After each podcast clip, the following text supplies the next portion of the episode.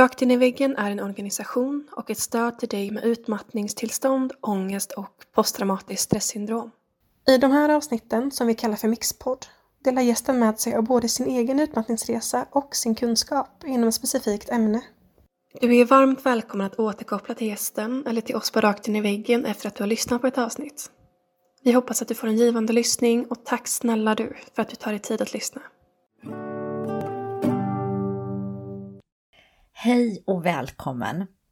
Jag heter Marie-Louise Strandberg och eh, jag har fått äran att eh, hålla ett eh, upplägg, eller en, en, ett samtal där jag delar med mig av mina erfarenheter av hjärntrötthet, utmattning, stress och att kunna komma tillbaka när man mår från att må väldigt, väldigt dåligt. Jag är sjuksköterska, jobbar i mm, dagligen med, jag är specialiserad inom äldrevård, jobbar med äldre med just många med demens, kognitiva svårigheter, det är min dagligdag, jobbar med forskning och utveckling av vården. Och jag har egna erfarenheter i familjen med autism och ADHD som också påverkar hjärnan och ofta ses det hjärntrötthet i mer eller mindre grad. Och jag har själv varit väldigt, väldigt svårt hjärntrött. Eh, så pass illa så att eh, de läkare som såg mig inte trodde att jag skulle komma tillbaka och jobba igen. Att jag helt enkelt, kanske möjligen på nedsatt tid, men, men inte som sjuksköterska. Och med det här jag delar idag vill jag framförallt ge hopp. Jag vill att du känner när du är färdig med att lyssna på det här, mitt prat här idag, att du har fått hopp om att det går att komma vidare, att man inte ska ge upp eller att vi inte ska ge upp. För det är så här att det vi vet idag, jag är ju som sjuksköterska forskningsbaserad eh, och det man ser är att vi kan bilda nya hjärnceller hela vårt liv så länge vi lever, så länge det finns blod tillförsel till hjärnan så att säga, så finns det möjlighet att påverka och förändra synapser och nervbanor. Så oavsett vad du har fått höra, oavsett hur din situation ser ut, så går det i nästan alla tillfällen. Jag vet ju inte hur, helt hur du har det, men i de allra flesta tillfällen kan man göra saker som gör att man förbättrar sitt mående. Alla kan givetvis inte bli friska Eh, för det är så olika vad man har för bagage och bakgrund. Men man kan göra riktigt mycket. Och många som kämpar med utmattning kan faktiskt bli återställda om man vet vad man ska göra. Och det är lite det jag vill dela här idag och prata om. Men min egen historia är att jag eh, 2014 blev, eh, fick en hjärnskakning. Vi var på semester och vid poolen i Spanien halkar jag och slår mig. Jag, min första tanke, jag, har, jag är kanske lite, tappar medvetandet kanske en liten kort stund. Men min första tanke är, jag trillar framåt. Och då är min första tanke, tur att jag trillade framåt och inte bakåt för det är ju där de, de otäcka hjärnblödningarna, att de som har trillat och slått sig bakåt, kommer in till sjukhuset. Jag jobbade på neurologen så jag var väl medveten om hur tokigt det kan gå eller hur farligt det är. Eh, men vi är i Spanien, jag söker läkarvård. Spansk vård, pratar inte spanska själv så det var lite, lite begränsat. Men jag blev i alla fall röntgad och man kunde se att det inte var någon, någon hjärnblödning som hade orsakats. Och eh, jag hade faktiskt kontakt med mitt gamla jobb. Eller mitt jobb och, eh, och, och kollade upp med dem, kan jag flyga hem? Hur, vad, vad säger ni? Så att det gjorde jag, kommer hem, blir sjukskriven. Jag hade räknat med att gå tillbaka till jobbet inom en vecka eller två. Eh, men efter två veckor mår jag fruktansvärt dåligt fortfarande. Jag är yr, jag är illamående och jag känner att men det här går ju inte. Jag, jag är tvungen att fortsätta vara sjukskriven. Så jag är sjukskriven en månad ungefär. Och så skulle jag faktiskt börja på nytt jobb för jag hade eh, blivit färdig med min specialistutbildning och skulle börja startade upp en äldremottagning faktiskt på en vårdcentral och såg fram emot det här väldigt, väldigt mycket. Men det kommer faktiskt aldrig att inträffa. Jag kommer inte att komma tillbaka till det här jobbet som jag har fått. Eh, jag försöker under hösten, det här var under sommaren jag, försöker under hösten flera gånger gå tillbaka eller börja på det här nya jobbet. Det slutar med att jag jobbar en dag eller en halv dag, går hem, lägger mig i sängen och är fullständigt färdig. Jag är yr, jag har huvudvärk, jag kan ingenting och ligger, blir liksom golvad en vecka eller någonting sånt. Eh, går till läkare, läkarna sjukskriver mig, har lite olika teorier. Någon läkare som säger ja men det här det, det, du, du har ju fått ångest för ditt jobb, det här är ju jobbrelaterat, det, det handlar bara om att komma igång. Kan sjukskriva dig på halvtid men inte mer. Eh, och eh, ja, jag kämpar, försöker komma tillbaka, det går inte. Jag blir sämre och sämre under hösten. Jag, jag försöker hitta information, jag kontaktar neurologen. Neurologen säger, på neurologen säger man i princip bara eh, Ja, men du är ju en av de där som trillar mellan stolarna. Du har för lite du har symptom men det är för lite i det kliniska, vi kan inget se. Du har ju ingen riktig skada. Eh, och det vet jag ju med som har jobbat som sköterska med det här. Eh, så jag försöker och försöker. Jag börjar träna för jag tänker om jag, blir, om jag börjar träna och mår bra fysiskt så ska nog huvudet komma ikapp. Det blir bara värre. Under hösten så börjar jag tappa ord. Jag, jag döljer ju det här för familj och vänner, håller skenet uppe så gott jag kan. Eh, kontaktar olika. Det har kommit en ny bok i den här vevan eller om det var forskning med från Salgrenska kontaktar forskarna där som då säger det här med hjärntrötthet, för jag förstår att jag är hjärntrött men inte så mycket mer. Eh, men begriper inte vad jag ska göra och de eh, tipsar mig om att söka, skriva en egen remiss till någon form av hjärnskadeutredning. För min läkare säger att det kan inte hon göra för jag är för bra. Eh, vilket jag ju inte tycker själv men, men hon kan inte se att hon kan skicka mig vidare. Så jag blir utredd, jag, jag, min egen remiss accepteras och jag blir utredd på Hjärnskadecenter Orup utanför Lund. Eh, eller i Hör. Och eh, i två veckor är jag där och blir, de kollar, gör en massa tester. Jag har ju inga synliga, man har gjort röntgen tidigare, det finns ju inget, det ses ingenting någonstans. Men man kan se att mitt arbetsminne är väldigt, väldigt dåligt. De gör olika tester och säger att ja, men hade vi gjort det här tidigare på dig hade du förmodligen presterat mycket bättre men vi har ju inget att jämföra med. Eh, jag blir hemskickad med rådet att vila. Eh, ta det lugnt och avslappningsövningar och yoga. Alltså med, med rådet att gör det här så ska du se att du mår bra om en månad eller två. Eh, efter det här är jag ju fullständigt slut. Alltså till julen det året orkar jag ingenting. Alltså det, vi pratar om att minsta ansträngning, sitta runt bordet med familjen och jag var fullständigt slut.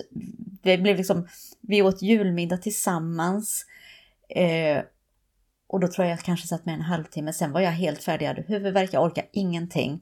Jag var ljudkänslig, ljuskänslig minsta sak blev jag utmattad av. Så det jag vill säga, och det här hjärntrötthet kan ju komma av väldigt mycket olika. Mitt kom som en konsekvens av en hjärnskakning.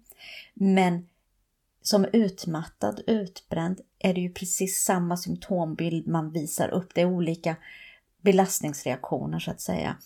Så känner du igen dig i det här med att du kan ingenting, du, blir, du tappar energi, du kan gå från att känna dig pigg till att bli på 0,0 i princip. Per minut tappa all energi och vara helt slut. Det är normalt, låter jag hemskt säga, men det är inte farligt. Det handlar om att veta vad man ska göra. Så jag började ju som sjuksköterska så har jag en viss eh, kunskap men ändå inte det jag visste från med mina barn då med, mm, som hade problem med hjärn, av och till med hjärntrötthet på grund av autism och ADHD eh, gjorde att vi hade en viss förståelse att när hjärnan lägger av så kan man liksom inte pressa så då får man backa. Den, den kunskapen hade jag.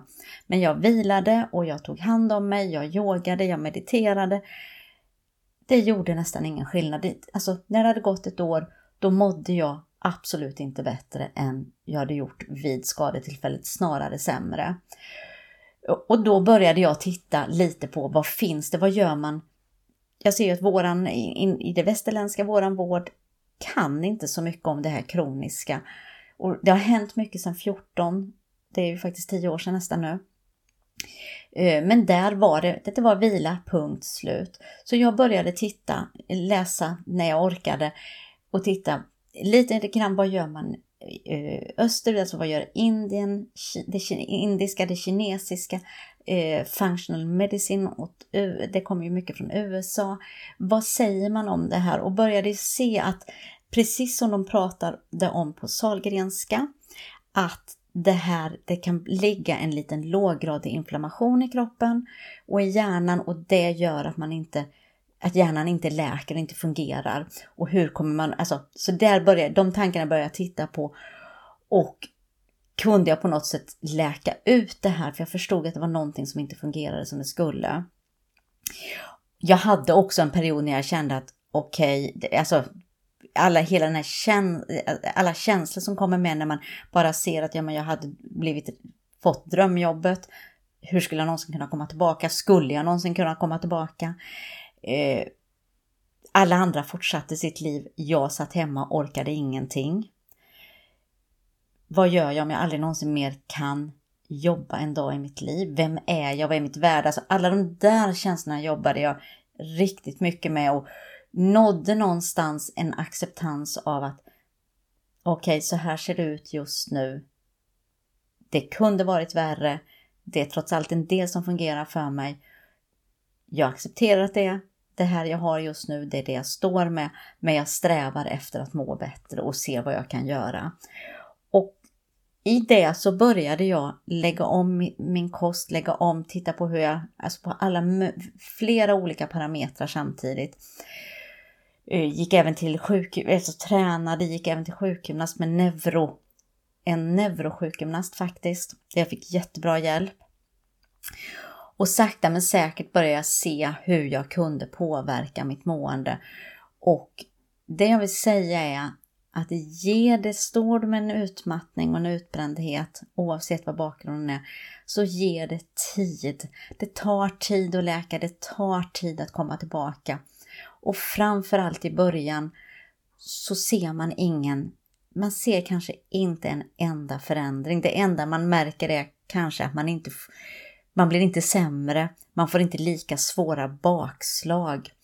Men det tar tid innan man ser att, det börjar, att man börjar må bättre, eller det kan ta tid. Och det är helt okej. Okay. För man behöver bygga en grund att stå på om man har kört slut på sig. Jag såg ju att jag hade gjort en del fel i början.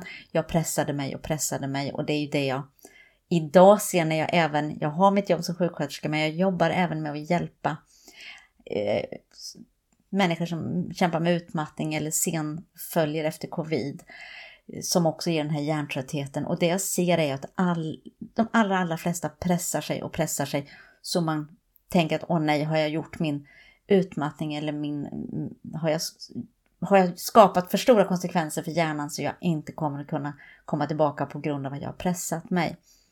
Men det ser inte jag, utan det jag ser är att det handlar om att få förståelse att man kan påverka sitt mående. Men det handlar också om att börja lyssna inåt. Att börja lyssna inåt på kroppens signaler är en nyckel för att komma vidare.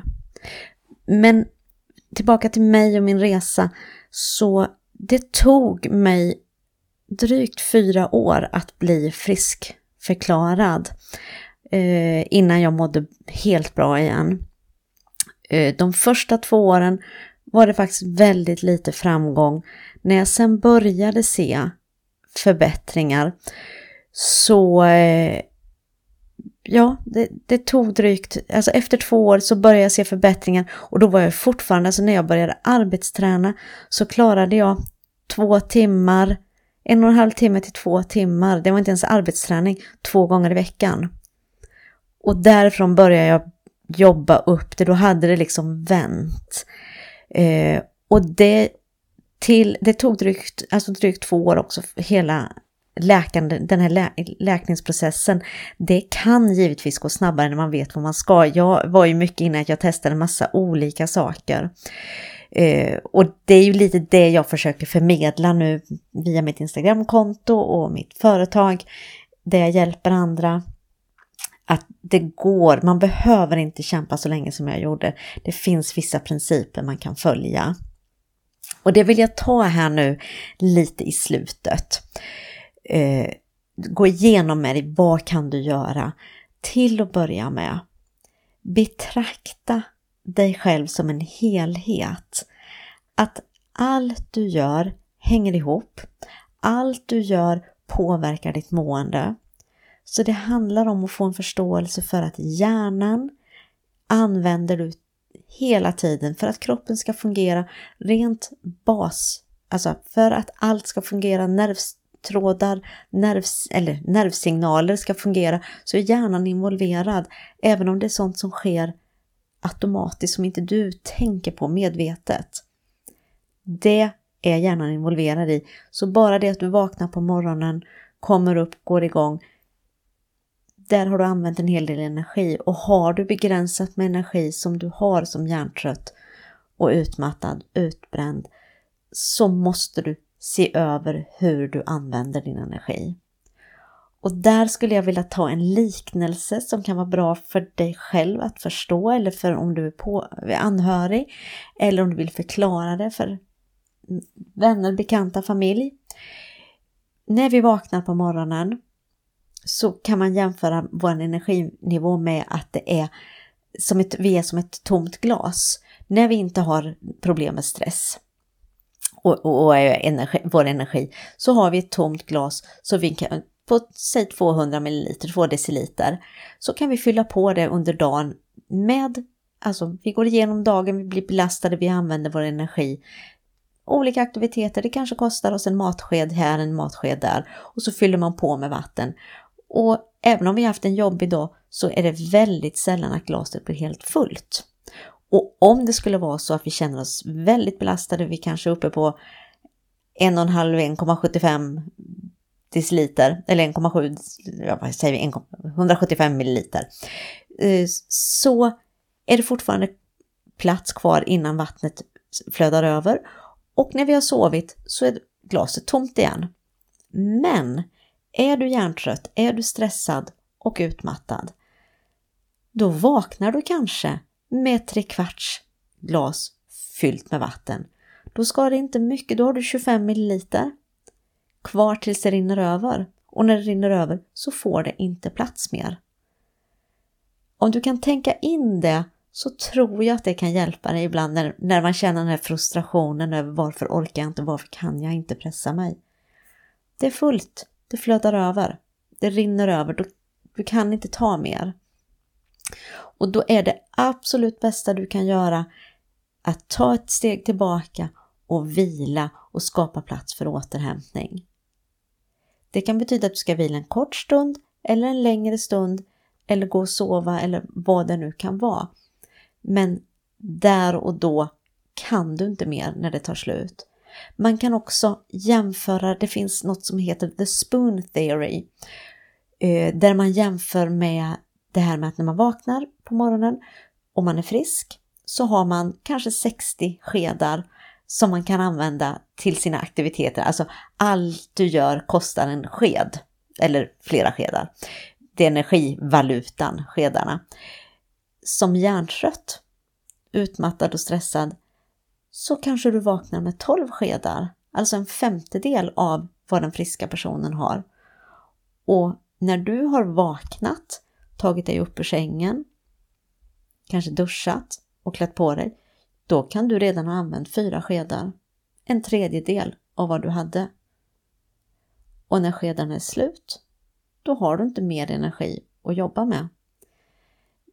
Ibland är det lite lättare att förhålla sig till det här när man har konkreta exempel, alltså när man lite grann kan se det framför sig. För det är ju svårt med stress och hjärntrötthet för att det inte syns. Du kan ju se hur pigg ut som helst. Och det, ofta gör man ju också det, ska man träffa någon eller man ska göra någonting så fixar man ju till sig så man ser. Man mår ju inte bra, varken själv eller andra mår bra av att man, att man känner att man ser väldigt tyngd ut eller stress. Alltså man vill ju presentera sig från sin bästa sida. Eh, men det gör ju att det inte ses hur man mår. Eh, och då kan sådana här liknelser vara bra att ta till. Och när vi nu pratar om det här med att tänka helhet så betyder det att man behöver titta på sin sömn, man behöver titta på hur man hanterar stress. Stressen är jätteviktig, det är ett oerhört, det är nyckel till att komma vidare, att, att få grepp om den, att stressreducera, att kunna läsa signalen och förstå vad det är som triggar stressen och hur man reagerar på den. Din kost är viktig. Det du äter, det är det din kropp kan bygga vidare med, det är det din kropp kan använda till att läka. Eh, rörelse, aktivitet är ett, kan vara ett jättejobbigt kapitel. Fysisk aktivitet är viktig för återhämtning och läkning. Men om man är helt slut så skapar den större stress och kostar mer än vad det ger. Så det är en balansgång och det handlar om att hamna rätt. Ehm, och fysisk aktivitet, där räknas all rörelse, alltså allt du gör när du inte ligger still i princip. Det är inte bara att man går till gymmet eller att man går en rask promenad eller tränar, utan all form av aktivitet räknas. Får man ordning på det här med sin sömn, sin stress, eh, kosten och den fysiska aktiviteten så har man kommit jättelångt.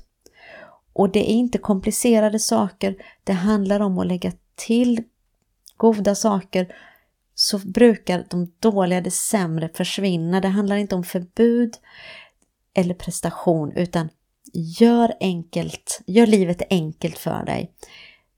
Sömn, försök sov så mycket du kan för hjärnan läker när du vilar. Ett tyngdtäcke kan vara till stor hjälp. Det må jobba med stressreducering, avslappningsövningar, mindfulness, skapar ett lugn och det skapar bättre sömn. Kosten, vill man, är man intresserad kan man titta på det här med antiinflammatoriskt för det har ett samband, visar forskningen mer och mer. Men är det för jobbigt? Så tillbaka till grunden. Ät mat som är lagad från grunden. Orkar du inte laga mat själv, se till att du äter varierat, att du får i dig grova, kol, alltså, eh, grova fibrer, kol, långsamma kolhydrater, rent protein, alltså nyttigt kött och fisk, ägg. Är du vegetarian, vegan, se till att du har den kompletta aminosyreprofilen. Jätteviktigt så du inte får brister. Nyttigt fett. Eh, balanserade måltider, frukt, bär, grönt. Alltså tillbaka till basic. Undvik processad mat. För det är så lite näring och det är så mycket tillsatser som ställer till det. Men back to basic. Ät ofta.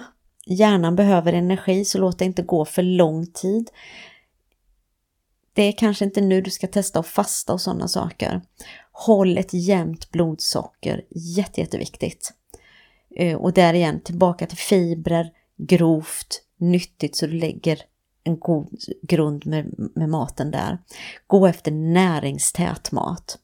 Vätska, vatten, jätte, jätteviktigt. Hjärnan fungerar betydligt sämre när vi har underskott på vätska. Gillar du inte vatten, se om du kan smaksätta det med gurka, citron, lime. Jag är inte så mycket för sötade drycker, eh, för det skapar en obalans i det här med insulin och blodsocker och eh, det är tomma kalorier i det söta. Men, och kaffe, stimulans, koffein, stressar din kropp, det kan jag prata om länge. Försök undgå det, byt gärna mot koffeinfritt. Då gör du din kropp en tjänst under den här läkningsperioden. Eh, för det är en falsk pigghet du får av det, du släcker för dina trötthetssignaler när du tar kaffet så att du kan bli tröttare av det när du inte har den energin du gör åt med. Ja, utöver det här med sömn, vila, stressreducering, kosten och rörelsen så är ju struktur i din vardag en nyckel. Att du identifierar in energitjuvarna, vad det är som kostar energi, vad, det är som, vad som ger dig energi och prioriterar, lägger kanske ett schema så att du vet att du har kraft och ork till det som du måste göra men att du också skär bort alla de där kraven som ligger och eller måstena som finns i din vardag kanske, men som inte är nödvändiga. För vi är så duktiga på, väldigt många av oss i alla fall, att göra saker för att vi menar och tror kanske att andra förväntar, oss, förväntar sig att vi ska göra det här. Och när man kämpar sig tillbaka så har man inte råd och lägga tid och energi på det. Då måste man vara man måste förvalta sina resurser och tänka, om, tänka till. Är det här viktigt? Måste jag göra det? Kan någon annan göra det? Eller kan jag göra det vid ett annat tillfälle? Och så prioritera. Och be om hjälp kan vara jättejobbigt men också ett sätt att komma vidare och stryka de här sakerna som man bara gör för att man förväntas. Se till, titta igenom ditt schema, titta igenom din kalender och börja lägg din tid på det som är viktigt för dig och det som är viktigt för din familj om du, om du har familj. Och stryk de här onödvändiga sakerna. Och gör det enkelt. Sänk ribban och gör det enkelt. Det här var en kort presentation av vad jag, eller genomgång vad jag har varit igenom, lite om hur jag jobbar, mina grundtankar i vad jag har sett är viktigt. Jag vill mest av allt bara ge dig hopp om att du kan ändra din situation. Det behöver inte vara jättesvårt. Det handlar om att ta små steg i rätt riktning, vara konsekvent, Eh, ge det tid, inte pressa sig för mycket. Och framförallt att ha ett hopp om att det går att få det bättre. Eh, har du frågor, kontakta mig jättegärna via min Instagram-profil. Skriv ett meddelande till mig eller skriv under någon av mina, något av mina inlägg. Jag hjälper dig jättegärna. Eh, jag kommer hålla en kurs, en kostnadsfri kurs online digitalt där jag går igenom grunderna för hur man ska tänka med hjärntrötthet, utmattning, utbrändhet, hur man kommer vidare. Lite hjälp till självhjälp helt enkelt. Vill du vara med på den, hör av dig så får du information. Jag har inte så mycket information än, för jag har inte haft tid. Jag vill så mycket. Eh, men inom kort kommer det information om den. Så jag vill önska dig allt gott. Håll fast vid hoppet och tron om att du kan bli bättre, för det kan du. Eh, om du inte har gjort allt jag redan pratar om och har nått en viss nivå. Men, eh, men det går att förändra situationen. Hjärnan kan förändras, den är plastisk. Och eh, ha det riktigt bra. Tack för mig och tack för att du har lyssnat. Vill du också medverka i Rakt in i väggens podcast? Besök vår hemsida för mer information på www.raktinivaggen.com medverkan. Om du vill tipsa oss om en poddgäst eller om du har en fråga eller synpunkt på det vi gör kan du alltid mejla oss på podcast raktinivaggen.com för att få svar. Tack för att du lyssnar.